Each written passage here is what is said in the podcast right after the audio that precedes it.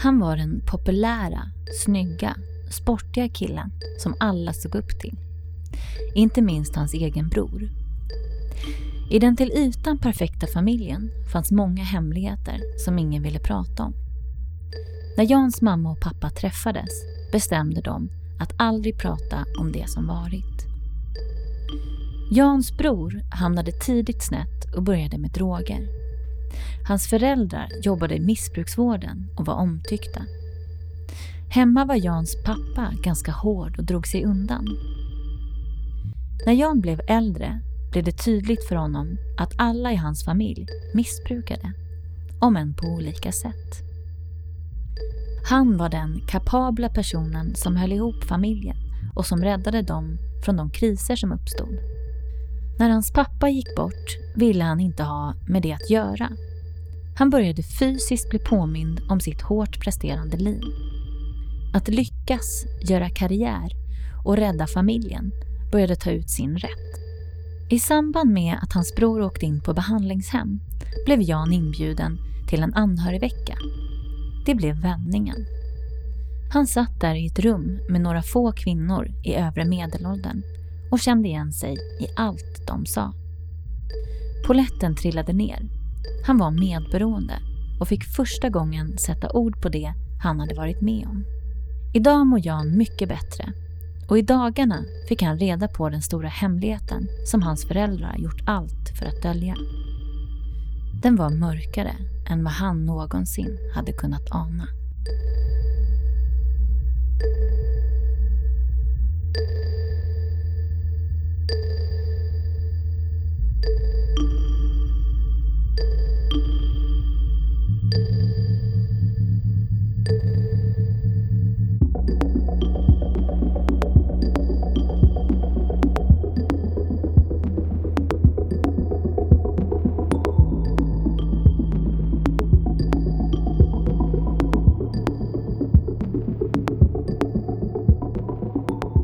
Välkommen Jan. Tack.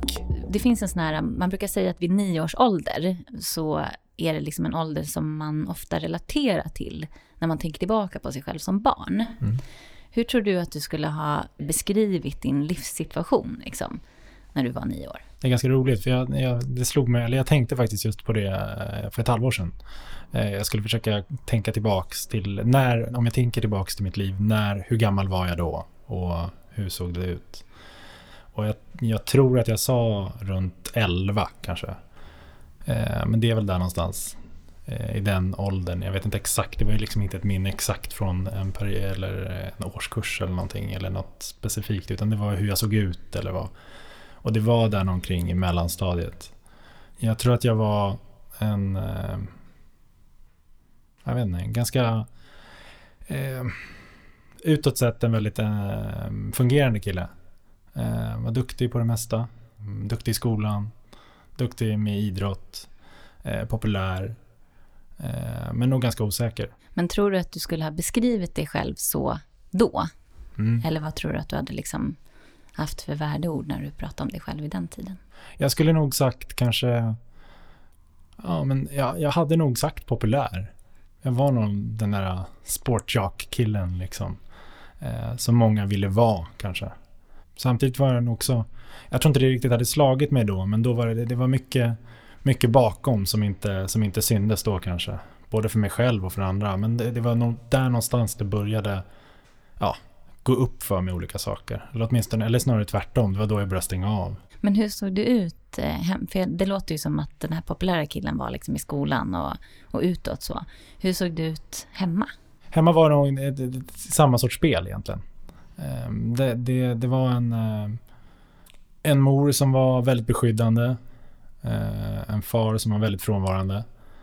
Och en, eh, en yngre bror som jag växte upp med och som, som, som hade det ganska tufft. Redan från när vi... Jag kan alltid komma ihåg att han hade det tufft. På vilket sätt då? Han hade, om jag var den här populära killen så var han den som blev vald sist. Och det gällde allt. Han hade svårt i skolan, överviktig. Ehm, han eh, hade väl inte lika lätt med tjejer. Idrott var han inte speciellt bra på. Så på många sådana sätt. Och jag var som bara hade, hade det enkelt för allt. Eller jag valde ju bara att göra sådana saker som jag hade, som jag, som jag var bra på helt enkelt. Eh, var ganska feg för att testa nytt. Hur var er relation? Såg han upp till dig då eller hur, vad hade ni för liksom? Ja, extremt mycket. Mm. Nej, det var ju, alltså, det var ju svansen eh, som alltid var efter. Och jag kommer ihåg att jag skämdes för honom. Eh, så vi bråkade extremt mycket.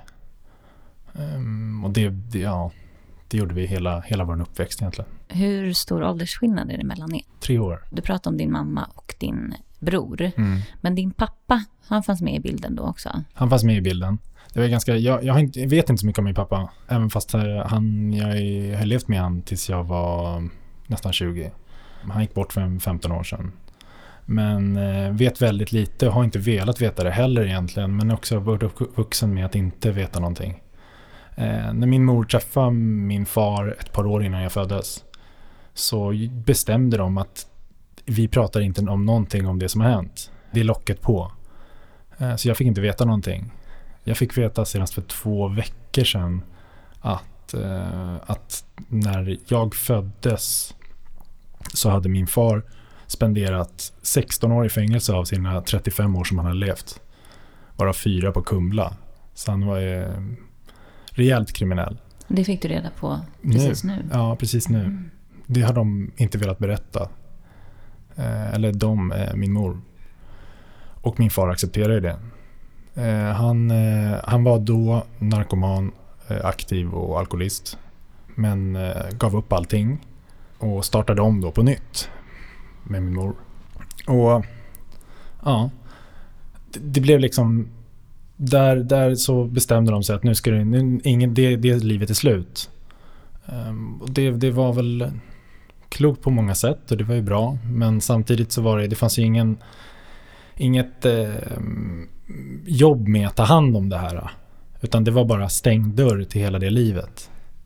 Sen är jag ju uppvuxen med att, eh, att det har varit mycket alkohol ändå. Och en del, jag ska inte säga våld, men, men eh, aggressivt. Eh, min far var ju, det, det, tar ju såklart på kroppen att vara, eller på huvudet kanske framför allt, att ha varit med om så mycket saker som han har varit. Eh, och jag ska säga att min mor var extre, eller är extremt fortfarande, men var extremt medberoende till honom då. Min bror började ju sedan eh, använda droger redan i, ja, han var runt 13, 12-13 tror jag. Eh, så det var ju, det fanns ju överallt. Men vad hade din eh, mor för bakgrund? Ja, min mor, min mor är eh, klassiskt eh, vårdyrken. Eh, med, hon är sjuksyrra, psykoterapeut eh, och ja, har valt de banorna. Jobbar på Maria Pool och ja, massa sådana ställen. Och ja, alltid tagit hand om alla möjliga. Väldigt mycket ideellt arbete med, med eh, invandrarbarn och Ja. Men vet du hur de träffades då, din mamma och din pappa? Nej. Kan du minnas sådär när du liksom, första kontakt eller när du kopplade på något sätt att det fanns alkohol och droger med i bilden hemma? Mm, alltså det, det började väl där. Jag tror att det var ungefär där när vi, vi pratade om nu 9-10. Att det, det, var, det, det, var mycket alkohol och det, var, det blev lätt aggressivt. Min far var extremt utåtriktad och hade ett jäkla temperament. Och det, det, det var ju det började, jag tror att det började där någonstans. Och, och det slutade ju riktigt aldrig. Eh, det slutade väl mer i, eh, han blev så pass sjuk och svag när jag, blev, när jag var i övre tonåren. Att då, då orkade han inte med det längre. Då var jag så stark och han var så svag. Så att det, fan, det var liksom att själva eh, makt, eller vad man ska säga, det var ett skifte där helt enkelt. Men minns du vad du kände? Liksom, var det, upplevde du att det var en personlighetsförändring eller vad har du för liksom minnen kring? Jag antar att du kanske märkte av alkohol mer än drogen eller var det liksom offentligt eh, missbruk? Nej, alltid bakom låsta dörrar. Fester kunde det vara absolut som spårar ur och sådär. Men, men, men alltid bakom. Alltså jag tror inte någon visste om det här. Varken mina vänner eller det är klart att våra grannar förstod att det var något konstigt när polisen var där eller, eller att det var Ja, att det var bråk. Man hörde ju det eh, klassiska lägenhetsbråken när man hör att det skriks och gapas i lägenheten bredvid. Men, eh, men mer än så tror jag inte. Alltså mina vänner visste ju ingenting. Eh, det märktes ju inte alls. Och ni pratade absolut ingenting inom familjen om det här? Aldrig.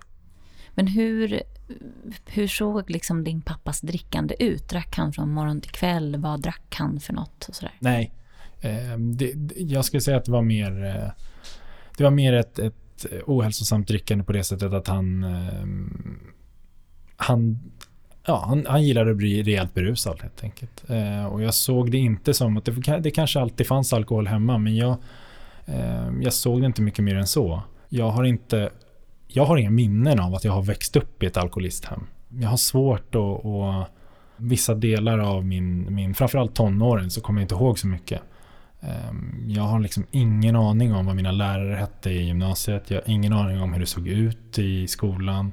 Och då är jag fortfarande där eh, relativt ofta och tränar i den sporthallen.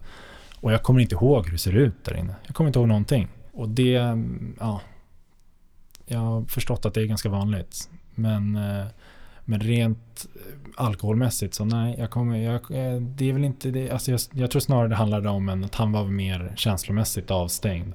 Eh, och sen så, eh, för honom, på, på något sätt så var, var det att han, han var ju ganska rationell i sitt beteende. Han var alltid, han, han tappade alltid humöret och blev alltid jävligt förbannad.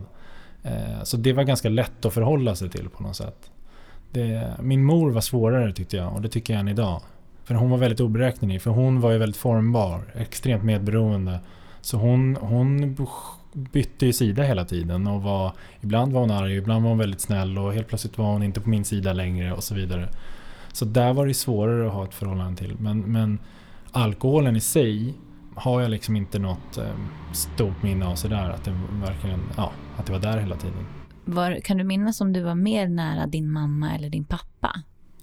Jag jag är definitivt mer lik min mor. Och min bror är definitivt lik, mer lik min far. Eh, men eh, om jag var mer närmare någon? Nej, jag, jag, tror att jag började ta bort båda dem ganska tidigt. Jag tror att det var det som var själva grejen när jag tänkte tillbaka till mitt liv. Att jag var när jag var 9-10 där någonstans. Det var då jag började koppla bort dem. Eh, och letade bekräftelse och letade Eh, ett liv utanför familjen. Jag, var liksom, jag ville inte vara en del av den. Eh, jag har alltid letat lösningar utanför familjen och inte i den. Mm. Eh, alltid försökt tänka att jag, att jag måste klara mig själv.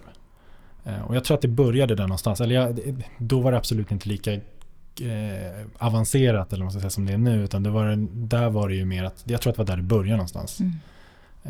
Att jag skulle vara duktig. Samtidigt som att jag inte skulle vara för bra heller. Jag vill ju aldrig vara bäst. Varför då? Eh, nej, men jag vill inte ha den rollen. Eh, jag har fortfarande svårt med det. Att, att liksom... Det känns som att jag kör över folk eller så här, att få sin vilja igenom.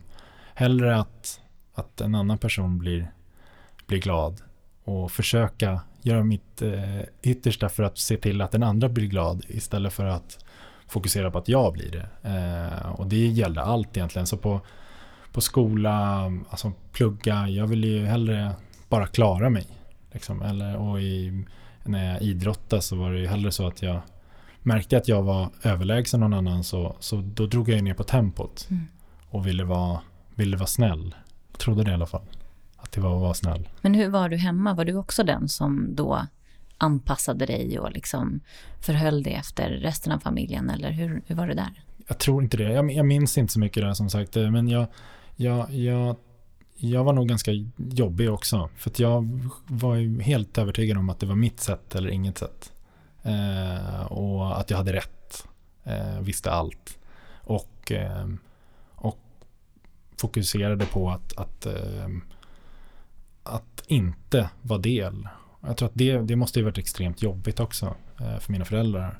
Att eh, jag, jag vill inte vara, vara en del av den här familjen. Eh, och det här har ju fortsatt i äldre dagar också. Att jag vill, eh, den här maniska jakten på att, att bryta det sociala arvet. Liksom. Att, att, att inte vara sin historia. Jag vägrade acceptera det. Men kände du, var det liksom att du fysiskt avlägsnade dig från från din familj, att du var borta mycket, alltså att du inte var hem, hemma så mycket? Eller var det att du hur du liksom var, vad du sa och vad du visade kroppsspråksmässigt. Eh, att det var det som var liksom distanserande. Ja, både och. Eh, så fort jag fick chansen, när jag blev tillräckligt gammal för att, för att eh, inte vara där. Det var inte så att jag rymde hemifrån. Eh, men, men så fort jag fick chansen på olika, genom olika saker jag höll på med så, så, så var jag borta, helt klart. Men det var mer, mer i huvudet. mer aktivering sig hela tiden och ja, att jag hade bestämt mig liksom att jag inte, jag var inte del av det där. Jag, det var inte jag. Jag var inte min familj, punkt. Eh, och det blev ju mer så i äldre dagar, skulle jag säga, ännu mer nu vuxen, när jag började i 20-årsåldern någonting, då, eh, då var jag alltid så fort det var att jag var tvungen på något sätt att ha kontakt med familjen, då avlägsnade jag mig själv. Jag firade, jag vet inte hur många, säkert 10-15 födelsedagar i rad utomlands för att slippa hela den. Jag eh, valde att inte vara där, valde att inte se, fast jag bodde ja, väldigt nära egentligen. Men visade din familj någonting, att de ville vara med dig, att de sökte upp dig och sådär? Nej, de hade fullt sjå med min bror just då som var mm. extremt, alltså när man, det här var ju, ja, min far gick ju bort när jag var 21. Så, så innan dess, då bodde min bror hemma. Eh, och då var ju han aktiv. Och um, det var ju, all fokus var ju på honom. Vilket är förståeligt. Och, och, och, det var lätt för mig att försvinna. Så det fanns ju ingen, ingen lätt, eller det, det, ja, det fanns ingen beröringspunkt helt enkelt. Men tyckte du att det var skönt eller fanns det någonting i dig som ändå längtade efter det här på något sätt? Egentligen inte. Um, det är klart att om jag verkligen, verkligen skulle tillåta mig att känna så skulle den ju vara extremt stor, den där saknaden och sorgen. Mm. Men det gjorde jag inte. Utan det var ju mycket lättare att stänga av. Och det har jag jobbat på extremt mycket med att bli duktig på att stänga av. Jag gör ju det per automatik. Det gör jag fortfarande på massa olika sätt. Eh, och det, ja, det kan vara när som helst. Jag, så fort jag, mm, jag brukar säga att jag, när, när jag blir känslomässigt stressad så stänger jag av. Eh, men det, det är inte sant, utan det är så fort det blir känslor med i spelet. Eh, så fort jag känner för mycket glädje eller sorg eller, eller för mycket, så fort jag känner någonting så, så, så samlar jag tankar och för, liksom upp i huvudet och bort från kroppen och bort från känslan. Eh, och det går per automatik hela tiden. Um, och det, ja. Och det, så är det fortfarande. Men jag blir bättre och bättre på det i alla fall. Och, och, och stanna där i känslan. Men det, det, och det är ju år av, av att träna på att göra det helt enkelt. Jag tänker då när du eh, i den yngre åldern då, om man tillbaka till där. Hur berättade du för någon hur det såg ut hemma? Nej, ingen. Eh, jag, jag tror inte jag tycker, eller jag, jag, jag funderar på det också. Eh, och eh, jag har inte, jag berättar inte för någon. Eh, och det har ju fortsatt så. Första gången jag nämnde överhuvudtaget det här till någon egentligen var väl för ett och ett halvt år sedan. Ehm, och jag kommer ihåg känslan. Det var ganska skönt samtidigt som det var väldigt läskigt.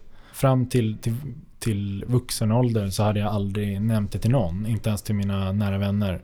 Eh, aldrig pratat om det. Eh, om någonting. Om min, min bror, min mor som, som, som blev sjukare och sjukare eh, i sitt eh, medberoende men också substansberoende. Och allt galet som har hänt, det är ingen som vet om. Och jag har aldrig pratat med dem. Och där i yngre ålder så fanns det inte den trygghetspunkten. Eller jag tänkte inte på att det kunde finnas heller. Jag liksom aldrig, det slog mig inte. Och det gjorde det inte i vuxen ålder heller. Idag kan det kännas helt absurt att det verkligen var så. Men fram tills nu, ja, bara för ett och ett halvt år sedan så hade jag liksom aldrig tagit orden i min mun och sagt att min far hade varit eh, alkoholist, narkoman och han hade suttit i fängelse och, eh, och att min mor har ja, totalt liksom låtit sitt liv gå i spillror för att hon har jag skulle nästan säga att hon är förintad av sitt eh, medberoende. Det är inte mycket kvar där. Extremt sorgligt. Och, och allt som min bror har, har gått igenom. Eh, det hade jag aldrig, aldrig nämnt och idag kan jag sitta och prata om det så här. Mm. Eh, och ibland känner jag mig som en robot när jag sitter och säger det för att det, det är klart att det berör. Och jag känner nu att jag liksom blir lite, ja, att det, det väcker känslor såklart. Men det är fortfarande, nu kan jag i alla fall ja, sitta och prata om det och se på det. Våga se på det, våga känna det och bli intresserad av det. Eh, börja intressera mig av min historia, börja intressera mig av min familj. Det vågade jag inte, eller kunde inte. Jag hade inte ens tänkt tanken. Tills för, ja, det här var ju på ett, eh, en anhörig eh, vecka. Så på ett behandlingshem som min bror var på. Eh, när jag först kom i kontakt och hörde ordet medberoende eller hörde anhörig överhuvudtaget. För jag hade totalt, ja det fanns inte. Och det är ganska märkligt egentligen för det är precis det mina föräldrar har hållit på. Inte mm. kanske just medberoende men de har jobbat extremt mycket med, med drogrelaterade problem. Din pappa också? Ja, min far jobbade också. Han jobbade, det, var, det är mycket möjligt att det var där de träffades på, på Maria Pool. Och sen så jobbade han socialarbetare och sen så drev han, han startade upp eh, företag när han eh, eh, tog hand om, om eh, så kallade värstingar. Så de fick gå i skolan. Eh, min mor hade terapi med dem. Och så fick de hålla på och mecka med bilar och ja, sånt. Fick lite lön. Eh, så de, de har ju varit del av det här. Jag har liksom lyssnat på otaliga föreläsningar om, om droganvändning och så vidare. Och, men att jag hade någonting med det att göra, det, väg, det fanns inte liksom. Men på den här anhörigveckan då, var det första gången du hörde då medberoende eller anhörigskap? Det var, det var första gången. Um, och det var, ja, det var en helt galen upplevelse. jag, eh, jag var liksom uppskickad, eh, eller uppskickad, jag ville ju åka. Jag kände att jag verkligen ville åka. Jag var så trött också. Extremt trött. Jag hade, jag hade tampats med magsår. Eh, massa, alltså massa sådana här fysiska eh, åkommor som hade kommit mer och mer. Och framförallt det som var, som var mm, jobbigt att leva med, som jag tyckte var jobbigt att leva med, det var dels att jag var sjuk hela tiden. Jag var sjuk en gång i månaden, några dagar i alla fall. Mm, det gick ju så långt att min, min eh, dåvarande vd, han trodde att jag var alkoholist eller narkoman för att han, han började se så mycket olika sådana tecken. Eh, och sen, eh, och, det, och, och, och att jag verkligen kände att, att relationsbiten, att det är svårt för det. Att jag började förstå att det var kanske mig det var fel på och inte tjejerna som jag hade varit tillsammans med och som inte fick relationen till slut att fungera. Eller relationen funkade till viss del men det blev aldrig något djup i den. För jag släppte aldrig in. Jag kunde inte det. Ehm, men eh, ja, så då, när jag fick den här inbjudan till att komma upp en vecka och det här var på ett behandlingshem uppe i Piteå i skogen. Så, så var det inget, jag ville bara åka dit. Jag kände att det skulle bli skönt eh, att bara komma bort. Eh, jag hade ingen aning om vad jag skulle göra. Varför fick du den här inbjudan? Därför min bror var där då. Och det är väl ja, det är andra eller tredje gången han är på, på ett behandlingshem. Eh, men det här var första gången som jag hade fått en sån inbjudan då. Och det var, ja, det var fascinerande. Jag kom upp där och jag trodde att jag skulle få hänga med honom och, och ja, ta det lugnt. Men jag fick inte umgås med honom alls under den här veckan utan det var ju tre stycken i princip interventioner som vi gjorde. Och det var, det var jag och tre kvinnor över 60. Det var ingen tv, det var inget internet, det var liksom det var väldigt mycket, och det var ju precis vad jag behövde. Det var liksom bara jag och ingen annan. Och jag fick se en massa powerpoint-presentationer och massa filmer. Och um, jag kommer ihåg att redan första dagen så, eller jag kände igen mig i allt där i princip. Alltså jag skulle säga att 95% av allt jag såg och läste och, och var jag liksom, det träffade rakt i hjärtat. Um, och jag såg någon taskig film liksom. Dålig kvalitet från 70-talet som verkligen kändes så här, ah, ja. Och jag, jag kom på mig själv att jag sitter med tårar i ögonen och nästan gråter för, för, att, eh, för att jag hade sån stark igenkänning. Eh, så för mig var det, ja, det var en, en extremt stark känsla och eh, så otroligt givande att vara där. Det var, det var, mm, ja, fast jag har haft väldigt svårt för religion och eftersom jag alltid tänkt att allting är upp till mig. Så eh, jag har ändå använt ord som att det var en, liksom, om, jag vet inte hur frälsning går till, men att det var verkligen att det var liksom, det var så stort. Det var som att jag på något sätt fick en diagnos eh, på massa saker som jag har känt och som jag vet om om mig själv. Men som jag inte kunde, jag förstod inte liksom. Mycket saker som jag tyckte jag var bra på, mycket saker som jag, ja, hur jag agerar. Fick liksom en förklaring. um, Som var för mig extremt tydlig.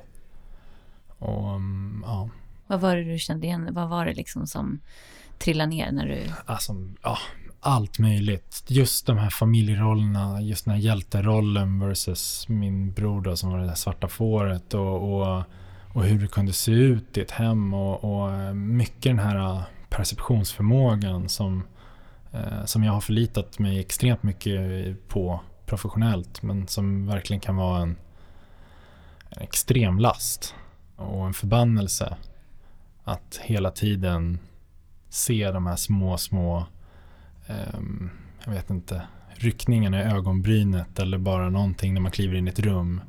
Och viljan att se det också på något sätt. Jag vill ju läsa av ett rum eh, när jag går in i det. För att känna att jag har, för då vet jag vad jag ska vara. Vilken roll jag ska spela. Eh, och eh, Det kan ju också vara en, en, en en, ehm, ja, en fantastisk gåva. Men, men då kände jag bara att jag var väldigt bra på det. Um, och, och spelade de här rollerna väldigt bra. Som, jag tror att det har extremt mycket att göra med, med att vara uppväxten i den här typen av förhållanden och hem. Eh, den här otrygga miljön. Att man hela tiden förhåller sig till saker och utanför sig själv. Och det, det var så tydligt där uppe. Jag har aldrig tänkt på det på det sättet. Ehm, mycket det gick vi igenom och, och, jag, och jag fick möjligheten att faktiskt se på vad jag hade spelat för roll. Min och min bror som det gäller då. Det gick vi igenom senaste året. Eller jag valde att titta på det senaste året bara för att det var lätt att relatera till. Och varenda kontaktpunkt vi hade egentligen, eh, förutom lite snabba telefonsamtal, det var ju när jag hade arrangerat en sammankomst på olika sätt.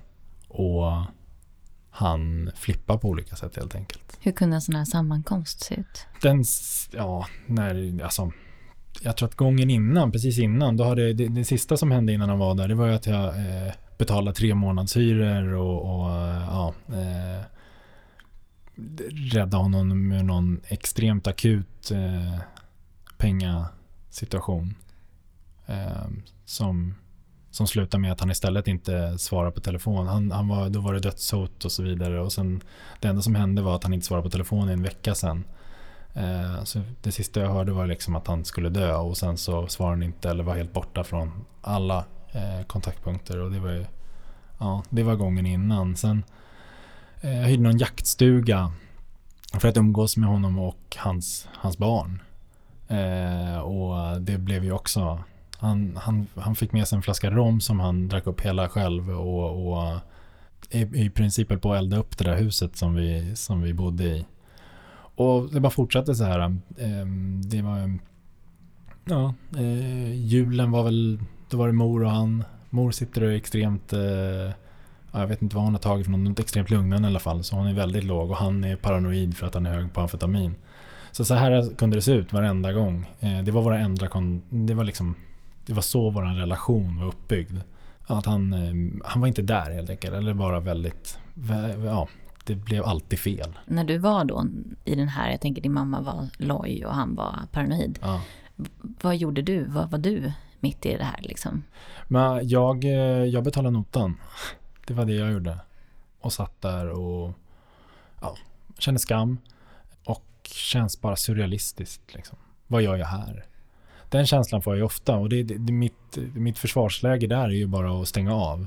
Och inte bli arg. Inte bli, utan liksom låta dem få tro att det är okej. Okay. Sen kan jag glömma bort och, och förtränga det här. Men väldigt dålig på att sätta gränser. Utan bara, ja, bara låta det vara. Nu pratar du ju om missbruk och, och sådär. Mm. När förstod du att din pappa var missbrukare? När förstod du att din bror var missbrukare? Har du några minnen av det? Nej, jag har inte det. Jag, I tidiga tonår så, så, så vet jag ju att, att jag förstod att min far inte var som alla andra. Eh, men jag vägrade förstå att det hade någonting med alkohol att göra. Han, vad jag vet så tog han inga andra droger. Um, åtminstone inte hemma, som vi såg. Min bror, alltså det gick ju så långt så att han, jag kommer ihåg att han uh, tejpade igen fönstren i, i uh, eller runt fönstren med, med så silvertejp. Uh, så att liksom, för att han hade span, han pratade om att han hade span på sig hemma. Och, och till och med då hade jag liksom, jag såg inte det. Jag, jag, vet att han sa det och jag vet att jag såg det men jag, det liksom gick inte upp något ljus för mig ens då. Fast det var extremt självklart. Liksom. Eh, och han fick ju aldrig han fick ju aldrig ta sina konsekvenser heller eftersom min, min morfar jobbade ju med, med det här och de, eh, de hjälpte ju honom hela tiden på att klara sig ur klistret. Liksom. Han, är, han har precis, precis fått sitt första straff nu och han har ju hållit på, varit aktiv och eh, varit, gjort galna saker i, ja, i över 20 år. Eller i alla fall runt 20, ja, runt 20 år. Kanske lite mer. Och han har aldrig, aldrig fått en enda konsekvens egentligen. Utan bara, bara fått hjälp när det har behövts. Och det, ja, nej, jag, jag, kunde inte ens se det då tror jag. jag tänker att det är ofta, för mig var det också så att det är lättare eftersom att man inte har några liksom, någon förmåga att hantera situationen så är det lättare på något sätt förneka och stänga av och så. Men att du ändå på den här anhörigveckan, alltså din bror var inne på behandlingshem, där någonstans måste du ändå ha vetat att han, han hade missbruksproblem. Liksom. Mm. I den situationen. Du visste ju inte så mycket om medberoende anhörigskap. Men missbruk, hade du någon relation till det ordet innan du kopplade att det fanns i din familj så att säga? Mm. Jag tror att, alltså, min bror var ju på ett behandlingshem redan när han var 16 tror jag. 16-17 eh, år. Då bodde han ju där. Jag tänkte inte på det då heller. Ehm, jag bara stängde av. Eh, det... Ja, nu när jag säger det så det känns väldigt sorgligt men jag, det kändes inte som jag hade någon bror då. Eh, utan det, det där stängde jag av. Jag tänkte inte på att han höll på med droger. Ehm, och, så att, nej, jag, det är klart att jag förstod det rent intellektuellt. Mm. Men det var ingenting som jag det var, liksom, det var en del som jag bara, jag bara stängde ner den totalt. Eh, och detsamma gällde nog min morfar. Alltså det var... Eh, min, ja, de, han, han blev ju extremt dålig på slutet och de separerade. Eh, och eh, och då, då såg inte jag honom så mycket. Eh, och det var tur det, för han, han blev väldigt galen på slutet, väldigt aggressiv. Eh, så det var rejäla handgemäng på slutet. Och då, då var jag också... Mm, där, där, det, var, det var också en del som jag bara totalt stängde igen. Det var locket på. Min mor började må sämre och sämre. Hon började tappa kontrollen på sitt liv. Jag tror att det var där någonstans. För min bror var, han var bortskickad på sitt behandlingshem. Och så min far som blev sjuk och så gick bort. Och jag som var borta. Så hela hennes liv hade ju gått ut på eller större delen i alla fall, av livet eh, hade gått ut på att ta hand om den här familjen. Eh, som var helt borta helt plötsligt. Och det var då det gick, eh, då gick det väldigt fort för henne utför. Men det var också, det, det såg jag, men det var liksom ingenting som jag, jag, jag tog, inge, jag tog inte del av det det har ju ändå figurerat mycket liksom alkohol och droger runt dig. Vad har du haft för relation till alkohol och droger? jag, jag har i princip i mitt hela yrkesverksamma liv jobbat med alkohol. Jag har hört någonstans att, att äh, alkoholistbarn eh, har ett så här, eh, extremt ofta ett extremt stort intresse för alkohol och droger. Och, och att ungefär hälften blir det själva alkoholister eller narkomaner. Och, och och jag har alltid haft ett extremt stort, jag vet inte riktigt var det kom, vad det kom ifrån, men alltid har varit så. Eh, och jag märker på mig själv att jag har lätt att fly in i alkohol. Jag, jag, ja, jag gillar ju det. Så jag, jag eh, jobbar aktivt med att inte vara eh, eller jag har en del av mitt liv som, inte, som gör, omöjliggör egentligen det. Ehm, jag får väldigt lätt en negativ spiral. Um, dricker jag mycket en kväll, då blir jag sugen på att dricka nästa dag igen för att få bort. Och det, det har varit perioder i mitt liv när jag har gjort så. Men jag är inte så, inte så annars är jag inte så, jag är extremt liberal eh, med allting egentligen. För, eh, och det är också onormalt liberal skulle jag säga. Med tanke på vad jag gått igenom också. Eh, jag, jag tycker men det är väl en del att göra med just den här frigörelsen. Jag tycker att man får göra precis vad man vill. Jag tycker att man får knarka om man vill. Jag tycker att man får supa om man vill. Men, eh, men du måste ta dina egna konsekvenser. Och den här har jag väl börjat ifrågasätta mer och mer, men så har jag alltid varit. Man får, jag tycker att man verkligen ska få göra vad man vill och ingen ska sätta gränser för det.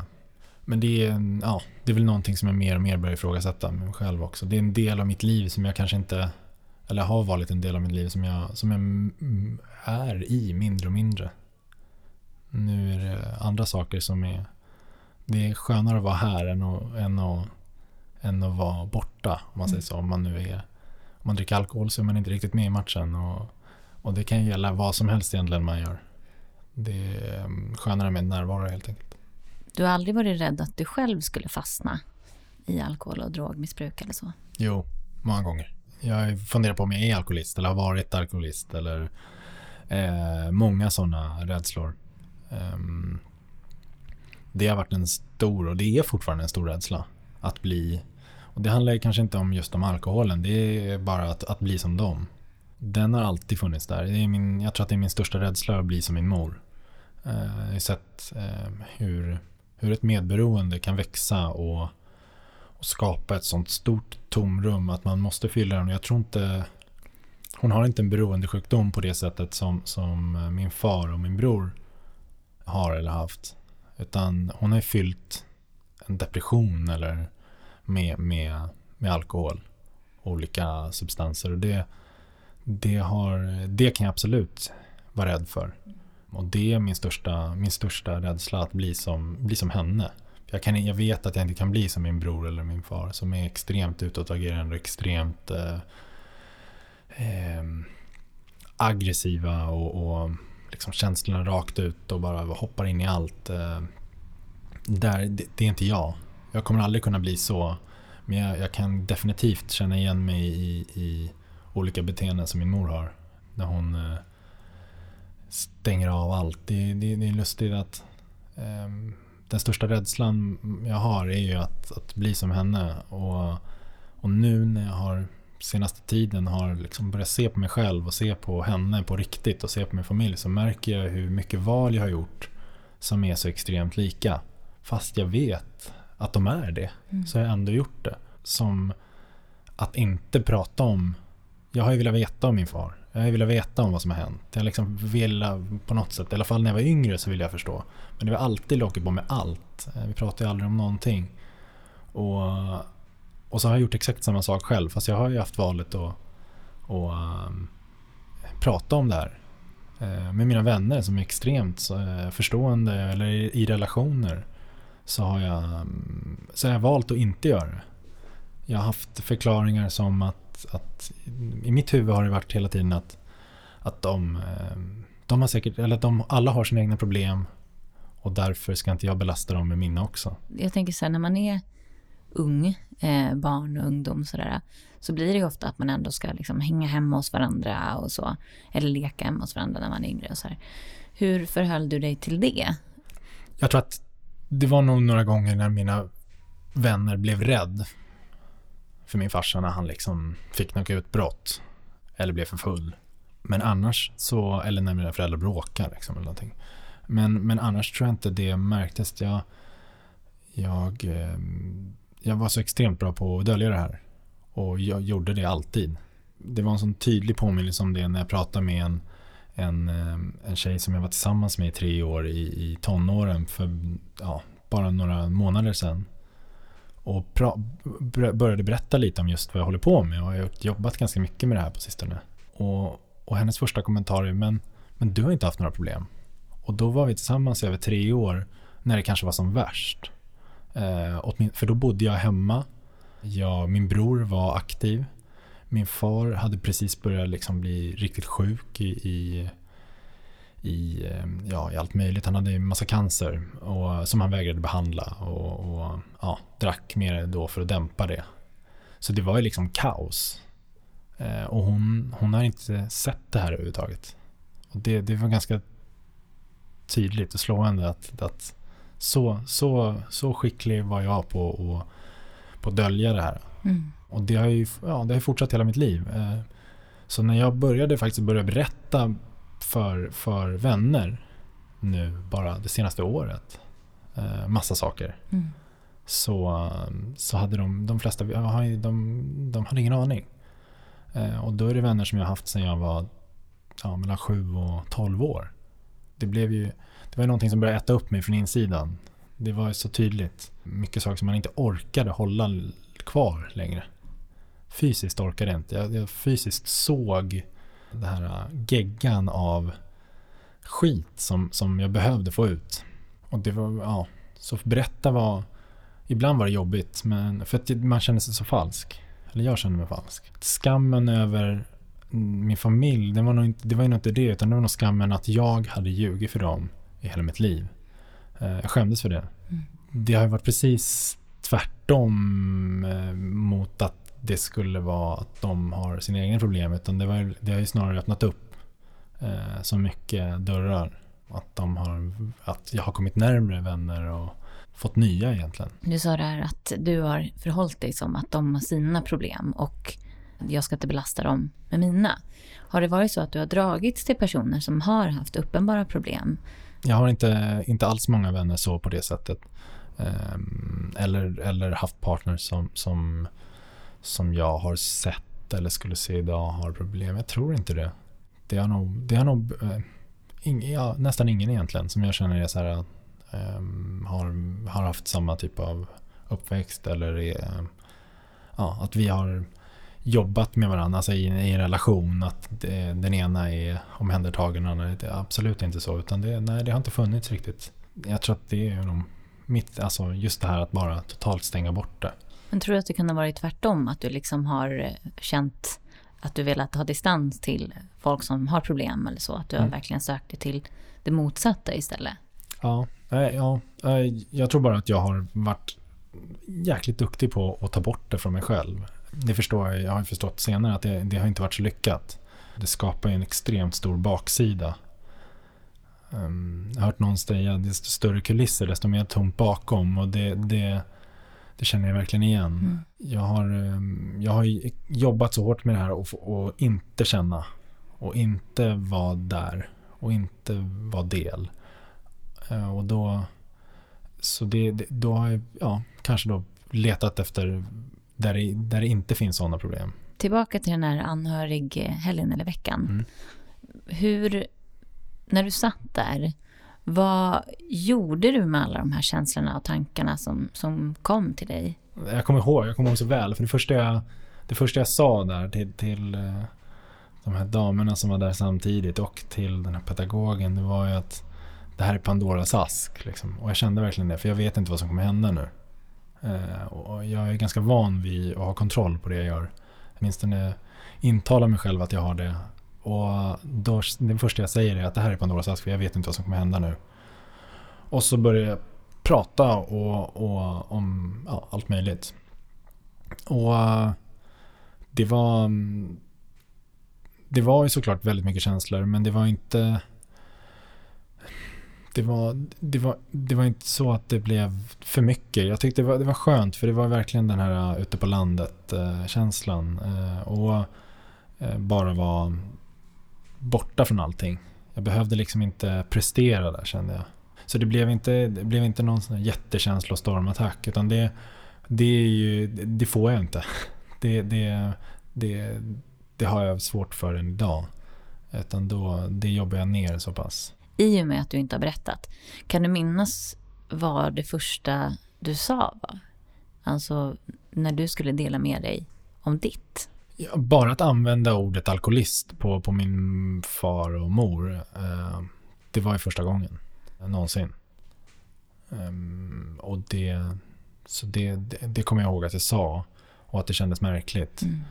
Eh, och att, att bara få ut orden så märkte jag att, liksom, att rösten skar sig och att jag, jag kände att jag inte kunde tala som jag brukar göra. Men eh, så att, ja, nej det var, men, men exakta orden. Men det, jag tror att, att bara använda de här benämningarna på, på, på mina föräldrar och sen berätta lite i alla fall. Ehm, det var, ja, och det, alltså, det var inte just, jag tror inte det var just var vad jag sa eller vem det var, utan det var att, att faktiskt prata med någon mm. som var så stort. För jag hade aldrig, det hade egentligen kunnat vara nu var det ett väldigt viktigt ämne och det här var ju någonting som verkligen behövde komma upp till ytan. Men jag hade aldrig, precis som vi pratade om innan, jag hade aldrig pratat med någon när jag var yngre heller. När jag var i tonåren um, så var, hade jag inte pratat med någon, eller kommit på tanken. Det här var ju första gången jag faktiskt pratade med någon, eller sa någonting till någon annan person som, in, som var oberoende på något sätt. Liksom. Um, så det var ju en, bara det var ju en stor, stor grej den här eh, situationen, sen, det här lättade ju ändå lite på ditt lock, eller du öppnade Pandoras box där. Men när du har berättat för dina vänner, vad har du fått för reaktioner då? Bara väldigt positiva. Ehm, det har varit eh, ja, ett intresse ändå. De har fortsatt, fortsatt eh, visa värme och, och fortsätta fråga och inte bara, ja okej, okay, då vet vi och vi förstår. Och sen utan verkligen fortsätta vara en fråga hur det går och, och vilja veta mer och, och öppna upp sig om sig själva. Som är fantastiskt och, och, och har förstått att ja, men nu vågar jag berätta om det här. Jag har en, en nära väns eh, flickvän som, som han, hennes bror är, är eh, aktiv. Mm. Och jag ja, har varit, han har vågat berätta om det och hon vågar öppna upp sig till mig. Så det har ju bara öppnat upp massa olika dörrar. Alltså jag har ju ett kul exempel är att jag den här julen, var den här julen? Ja, så firade jag jul på tre ställen med folk jag knappt känner eh, som har bjudit in mig till att fira jul. Eh, för att, ja, för att de vet att, ja, hur min livssituation idag är. Eller ja, men just på familjebiten. Medan året innan, om det inte två år innan, så, så firade jag jul själv i princip. Jag åkte, försökte åka förbi min mor och kanske var där en halvtimme. Och typ gick en promenad med hennes hundar. Och sen var det klart, julfirandet. Och sen har jag suttit hemma. För att jag, då har jag inte heller velat tränga mig på andra när de firar jul med sin familj. Liksom. Så då har det istället varit ett, ett väldigt ensamt, extremt sorgligt egentligen, firande. Eh, för att jag har gjort det valet egentligen. Att, det, att vara själv. Mm. För att jag inte vågat berätta eller att jag faktiskt inte har någon familj att fira med just nu nu i år istället då så, så, så var jag på tre olika ställen. Det var ju ja, fantastiskt. Lite pinsamt också att fira jul med, med eh, vissa. Men, eh, men, men, det, har, men det är bara, bara härligt. Men var det, det var ingen som blev besviken på dig att du hade ljugit eller varit tyst om det här då? När du berättade för dina vänner? Nej, inte som de sa i alla fall. Eh, men det är möjligt att det är så. Jag, jag vet inte. Ingen, ingen, ingen, ingen som ja, direkt sa så. Jag tror inte det. Men, eh, men det kan inte jag veta. Och det, det är egentligen ja, det, det, det är upp till dem. Jag visste inte bättre eller jag kunde inte bättre. Eh, liksom, men jag, jag tror inte det. Ehm, jag tror bara att det har medfört eh, positivt på alla plan. Den här resan då, alltså du från den anhörigveckan till att du nu har kunnat prata med dina vänner om det här. Hur gick den resan till? Alltså vad gjorde du med det här du fick, fick med dig från anhörigveckan? Jag var där en vecka, eh, ja, fem dagar någonting. Eh, och sen så eh, fick, jag, fick jag hjälp av en vän. Det var liksom lite, cirkeln blev sluten. Jag, det var en, en, en vän som, som var aktiv då, som jag för länge, länge sedan, som jag eh, gjorde en intervention med och fick in i, eh, i ett program. Eh, ett tolvstegsprogram. Och, och han, han, eh, när jag berättade om det andra veckan och sådär och vi, ja, han visste ju om det. Så, så fick han med mig på, på ett tolvstegsprogram. Eh, så det kom jag in i ganska snabbt efter, efter den här andra veckan. Så det började direkt. Gick på ett, på, ja, ett första möte där och det, det har jag fortsatt med eh, sen, sen, sen dess. Men vad, vad upplevde du då i den här, eh, på det här tolvstegsmötet då? Jämfört med, jag tänker att du har kommit från den här veckan. Där visste du lite situationen, det var utbildad och så. Mm. Vad upplevde du på det här mötet? Jag, upplevde, jag kommer ihåg att första mötet var, var eh, att jag störde. För det var bara, det var bara tjejer där. Eh, och jag kände att aha, eh, nu kommer det in en kille och det blir jobbigt. Liksom. Och att jag jag kanske inte var helt nöjd för jag tyckte verkligen att första mötet var så här, eh, alla, ah, alla satt mest och var sjuka kände jag. Ehm, och att alla mådde dåligt.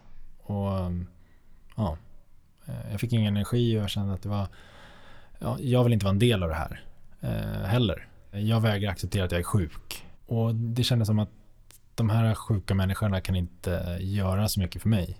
För jag hade redan listat ut hela, hela tänkte jag, efter den veckan så hade jag redan listat ut hela problematiken. Och allting och jag visste vad jag skulle göra, eller kanske inte riktigt vad jag skulle göra, men jag hade i alla fall förstått allting kände jag. Okej, okay, jag har inte pratat om det, jag har inte gjort det här, jag hade blivit ett hål eh, där och nu ska jag bara göra någonting. Eh, så att jag kände att jag, ja, det här var inget bra. Eh, men jag blev övertalad om att, att gå igen. Och då var det en helt annan upplevelse. Jag kanske var mer mottaglig då. Men det var också en bättre, jag tror att det var en bättre dynamik i gruppen också. Det var, det var mer blandning av människor. Många som var helt tillfrisknade, som verkligen har jobbat med programmet länge. Och, och även de som inte var det.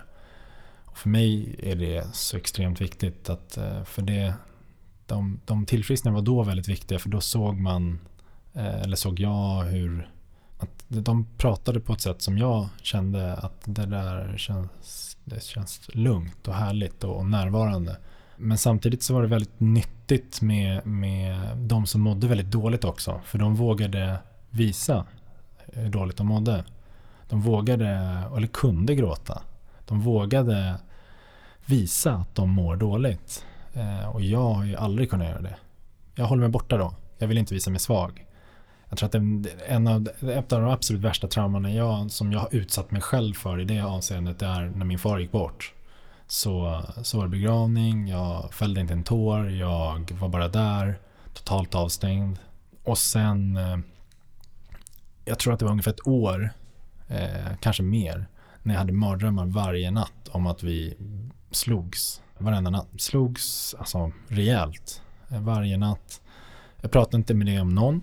Hade aldrig nämnt egentligen till någon. Eh, och eh, varje kväll när jag liksom började tänka på att han hade faktiskt dött och, och eh, jag kände att jag höll på att börja gråta så vägrade jag liksom tryckte ner det i, i halsen på mig själv att jag ska inte gråta, jag ska inte må dåligt. Det var varje kväll och, sen så, den, och så de mardrömmar hela tiden. Och det, det fortsatte nog i ett år, kanske ett och ett halvt. Och det, just det där liksom att det, det ska inte ut. Eh, och, och det har ju präglat mig sen.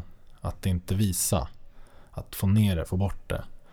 Ehm, och därför har det varit väldigt nyttigt på de här, på de här mötena att, att se människor som faktiskt vågar uttrycka sig och kan uttrycka sig. Oavsett om det är glädje eller sorg. Kände du igen det hos de här delningarna också på, på möten? Jag känner igen mig väldigt mycket på, på massa saker. Eh, I början så, så var jag helt så här, jag, ja, det var allt liksom.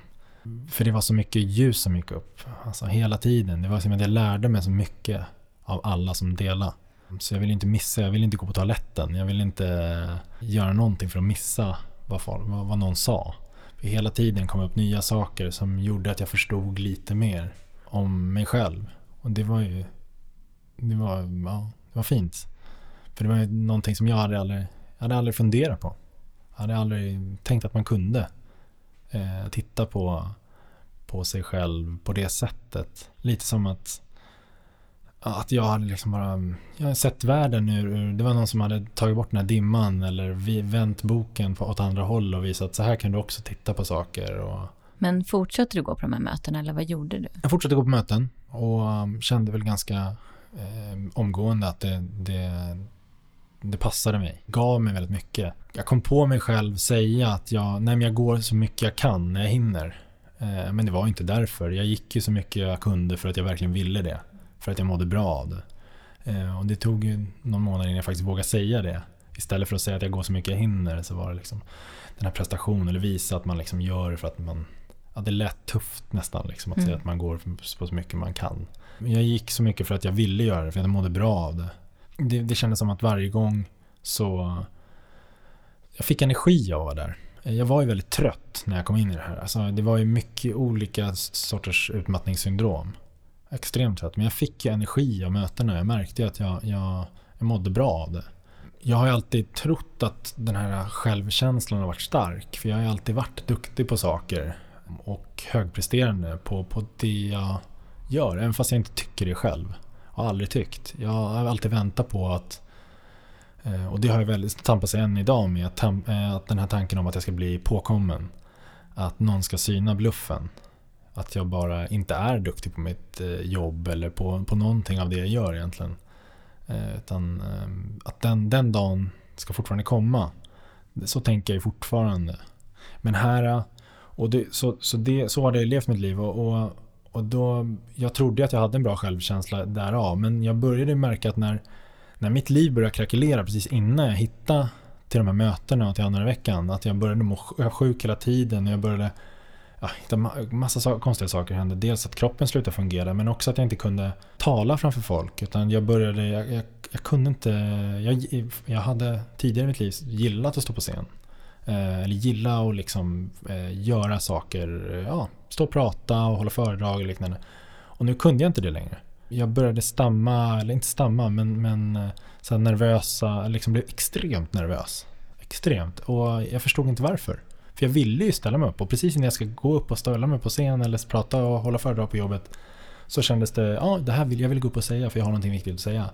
Men så fort jag kommer upp där så, så är det som att jag, det bara slogs på. Eh, den här extrema nervositeten. Och det gjorde att jag började tvivla att jag inte kunde göra mitt jobb. Eh, och, att jag inte, och då började jag, ha, okej, okay. då känner jag först då, när, eh, då började, att det börjar gå ut för ordentligt. Liksom. Vilket är också så här, en, jag har haft massa kraschade relationer och massa, men det är när jag inte klarar mitt jobb, det är då jag börjar förstå allvaret. Eh, som säger en del om hur, hur, hur jag såg på livet då också. Men det jag tänkte på med just med, det var jag ju bra på, just den här eh, självförtroendebiten. Att, att hålla mig till det. Men när det började krackelera då, då, blev det ju, då fanns det inte så mycket kvar. Eller det märkte jag inte då, men jag, det var ju uppenbart. För jag mådde ju väldigt dåligt då. Och det tror jag de här mötena är extremt bra på. För det, det är just den här självkänslan. Eh, det, man jobbar med väldigt mycket, man jobbar i grupp. Och jag har alltid varit stor förespråkare av att jobba i grupp och jag tror fortfarande på det och jag tror det är extremt viktigt när man, eh, när man jobbar med ett medberoende att man, man gör saker i grupp för att, eh, för att stärka självkänsla. Eh, för det är självkänsla omöjligt att göra själv. Jag, jag, får inte bättre självkänsla för att jag är duktig på jobbet. Men det märker jag att jag får på de här mötena. Eh, när jag går mycket på dem och, och, och verkligen går in för det helhjärtat. Hur märker du att eh, självkänslan eh, växer? Jag märker det för att jag, jag känner att eh, nästan obehagligt att jag inte behöver prestera alla gånger. Vilket är lite jobbigt ibland för då börjar man ifrågasätta saker man håller på med och um, saker man kanske har gått in för. Att man ska, ja, eh, jobbsaker eh, eller, eller utanför också och så helt plötsligt börjar man ifrågasätta dem att det kanske inte är så viktigt. Jag märker det genom att jag är mer eh, närvarande i mig själv. Att jag inte förhåller mig till andra. Att jag inte släpper och tänker på vad den andra personen vill att jag ska säga eller vill eller vilken roll jag behöver ha i en situation. Um, utan snarare stannar i mig själv och, och det har väl en, ja, en närvaro och en det är en självrespekt ska jag säga. Att man, det, det, det där, för mig är det självkänsla att att jag inte, inte flyr iväg helt enkelt eh, i olika situationer. Utan att jag är kvar i mig själv. Och även när jag mår dåligt. Eller mår bra för den delen. Men de här känslorna som ändå du har kommit i kontakt med nu. Vad är det för känslor du har upptäckt när du har lyft på locket så att säga? Ja, det mesta. Alltså det, det, är, det är allt. Det, jag, jag blev helt knäckt när jag förstod att, att när man jobbar med att trycka ner sina känslor så trycker man ner alla. Och för någon som har identifierat sig med att vara eh, Bror Duktig och snäll och alltid ska hjälpa till och vara så, så, så blev det en chock när jag förstod att jag är extremt dålig egentligen på det för att jag, jag kan inte ge så mycket i form av känslor. Det som faktiskt betyder någonting. Självklart kan jag vara snäll och omtänksam men riktigt på djupet har jag varit extremt dålig på. Det är därav mina relationsproblem skulle jag säga. Mm. Nu har jag, så då blev jag verkligen så här, oh shit, jag, kan ju inte, jag har ju liksom dämp, dämpat ner allt. Det blev extremt sorgligt. Eh, och just den här känslan av att jag inte hade att jag inte hade varit så bra som jag tyckte själv. Att jag faktiskt hade min egen del i det också. Alltså jag ju alltid, alltså extremt sådär. Jag, min, mina kompisar kallar mig för riddaren. För att jag alltid är liksom, de brukar säga ridda, men tjejernas bästa vän och ja, att jag alltid ska vara, göra rätt och så vidare. För att, ja, och aldrig förhålla, det, det är just att man inte förhåller sig till vad man själv vill utan hela tiden ska göra det som är bäst för någon annan. Och då blev jag, jag blev verkligen knäckt när jag kände att, eller jag förstod att, att det var, det, jag själv har ju liksom har förstört så mycket för mig själv och har inte kunnat ge på det sättet jag kanske har velat. Den här, det låter ju som att du öppnar upp väldigt mycket sorg och att inte kunna gråta. Vad, hur har du gjort för att hantera det? Liksom? Det är fortfarande, jag är fortfarande svårt för att mm. gråta. Mm. Jag har gjort det lite grann, eh, men eh, fortfarande väldigt lite. Eh, det, det är liksom baby steps. Jag har inte, nej, jag har inte gråtit. Alltså, jag har ju aldrig förstått att det fanns mer eh, känslor. Så jag har ju inte, jag har inte känt det. Så det, det, då, det, på något sätt är det, det har gett mig en större förståelse för till exempel min bror och hans drogmissbrukande. För att han, han kan inte se lösningen och se det här att han är att han faktiskt är destruktiv. Utan för honom finns inte någonting annat än drogen när han är aktiv. Han kan inte se den andra sidan som jag kan se det. Och jag har inte kunnat se mer än vad jag faktiskt har känt. Jag har inte förstått någonting och det är väldigt tydligt att jag inte har tagit del av det. Så jag har inte, så jag har inte känt eh, att det har varit något fel. Och ännu mer har jag varit så för att jag inte känt det för att jag har inte mått dåligt. Tycker jag själv. För att jag har ju aldrig tillåtit mig själv att må dåligt. Um, så det, det blir liksom, det, det har ju varit lösningen då. Eller det har ju, det, så sjukt har det varit att jag inte känner någonting. Så därför har jag inte mått dåligt heller. Men däremot har jag inte heller varit helt glad heller. Utan det har ju liksom varit ja, dämpat hela tiden. Eh, men det har ju kommit, det är klart att det har kommit mycket sorg efteråt. Eh, och den kämpar jag fortfarande med att få ut. Det är, det är fortfarande mycket som behövs eh, komma ut tror jag. Eh, mycket, mycket skuld. Eh, framförallt mot min bror och skam mot, mot familjen. Och det, men det, ja, det kommer hela tiden. Och jag tror att det handlar om att för mig handlar det om att, att, våga stanna i känslan och våga vara närvarande. Och det har jag blivit mycket bättre på. Jag märker det med, med mig själv. Att jag är, jag är lugnare eh, på riktigt. Jag alltid, jag tror de flesta skulle säga att jag är lugn. Men nu är jag lugn i huvudet på något sätt. Att inte tankarna bara springer hela tiden. Eh, jag, jag har eh, jag kan sova, det har jag haft svårt med. Framförallt dagtid eller ta någon sån här powernap. Jag tror, jag har liksom inte, det har varit totalt omöjligt för mig förut. Det klarar jag faktiskt av nu för tiden. Inte alltid, men, men, men då och då. När jag känner att jag behöver det och faktiskt lägger mig ner och, och, och vilar istället för att försöka bli pigg på alla möjliga konstiga sätt. Mm. Och det, det, det, samma, jag tror att det hjälper mig också, just den här närvaron hjälper mig att våga vara med i sorgen och våga vara med i, i, i känslan. Eh, men det, det är fortfarande svårt, för det är så mycket som går på automatik. Men hur mår du idag då, kan man säga så? Du mår massa känslor, tänker jag. Ja, nej, jag mår, jag mår faktiskt i det stora taget eh, så mycket bättre eh, än vad jag gjorde tidigare. Alltså alla gånger. Det, det, rent fysiskt så, så är det ju bara, egentligen kan jag bara känna på min kropp att, att, att massa saker, alltså stressutslag och magen och allt möjligt, är jag inte sjuk längre på samma sätt alls. Mm. Eh, så det är ju bara rent kvitto på något sätt att, att, att kroppen mår bättre. Men också sinnet eh, är mycket lugnare.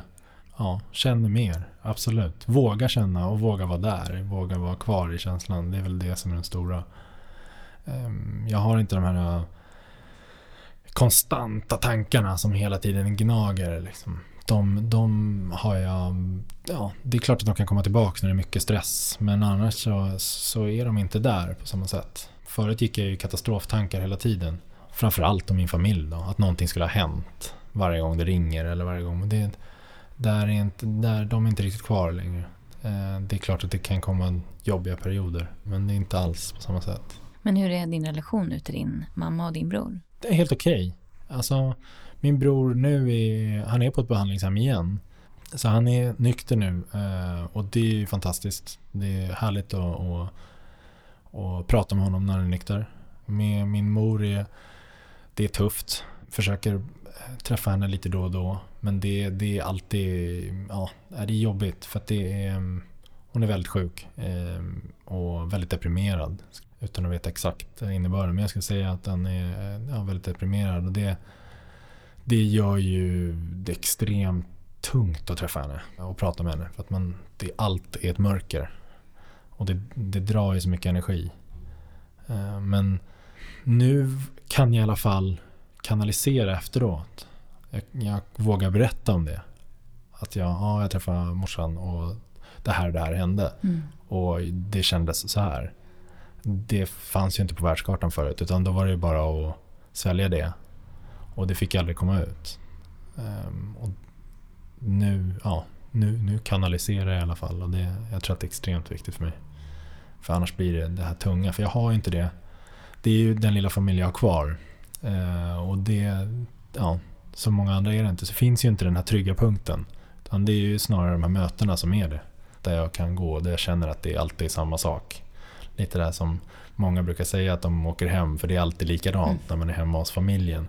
Och det har jag aldrig haft. Eh, och den, så den har jag inte. Men det, det kan, jag, kan jag verkligen känna på mötena. Att där är det, det är en struktur och det är personer som, som man kan känna igen sig i. Och, ja, det är en trygg plats helt enkelt. Om du nu skulle ge något råd. Jag tänker att det är säkert väldigt många som känner igen sig i din historia och det du har upplevt och sådär. Vad, vad är det som har hjälpt dig? Vad har du för råd att ge? Att våga vara ärlig mot sig själv. Att faktiskt, eh, ja, att faktiskt våga titta på det. Så var det för mig i alla fall. Och att ta det lugnt med sig själv. Alltså jag, har, jag såg det här för första gången för ett och ett halvt år sedan. Och jag är väldigt brådmogen och jag vill att jag ska, det ska hända saker snabbare. Men samtidigt så har jag varit tyst väldigt länge. Och det är mycket saker som har jobbats in från grunden. Och många saker som man också bara får acceptera är en del av en. Men jag, jag tror att det är att, ta, ta, ta, att låta saker ta sin tid. Sen tror jag också att för mig i alla fall har det varit mycket att, eh, att jag ska komma någonstans hela tiden. Eh, att det, ska, det finns hela tiden ett mål. Eh, jag var extremt fokuserad på att jag skulle börja gråta eller att jag, skulle, jag ville gråta, att jag ska komma till det. För att på, det, på något sätt var det för mig ett kvitto på att, att jag har kommit någonstans. Det har jag släppt ganska mycket. mycket eller släppt sådana tankar. Jag tror att det, det är nog viktigt att släppa de här ja, kraven på sig själv. Att det ska komma någonting eller att det ska vara på något speciellt sätt. Och då tänker jag så här, några avrundande ord. Hur, om man säger så här framtidsmässigt, hur ser du på framtiden?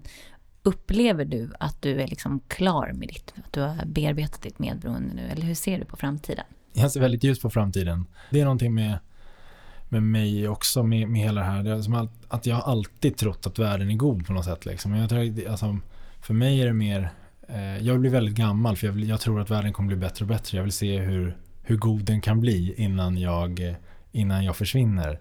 Så jag, jag tror bara, jag ser bara positivt framåt. Eh, jag tror att jag kommer fortsätta jobba på det sättet jag gör. Jag kommer gå på möten, leva på egentligen som jag gör och bara mm, hoppas på att jag lever så pass länge att jag får se så mycket fint som möjligt. Jag låter det bli sista orden. Tusen tack Jan för att du var med och delade din historia. Tack. Känner du igen dig i Jans berättelse? Gå in på vår hemsida www.medberoendepodden.se Följ oss i sociala medier. Där heter vi också Medberoendepodden.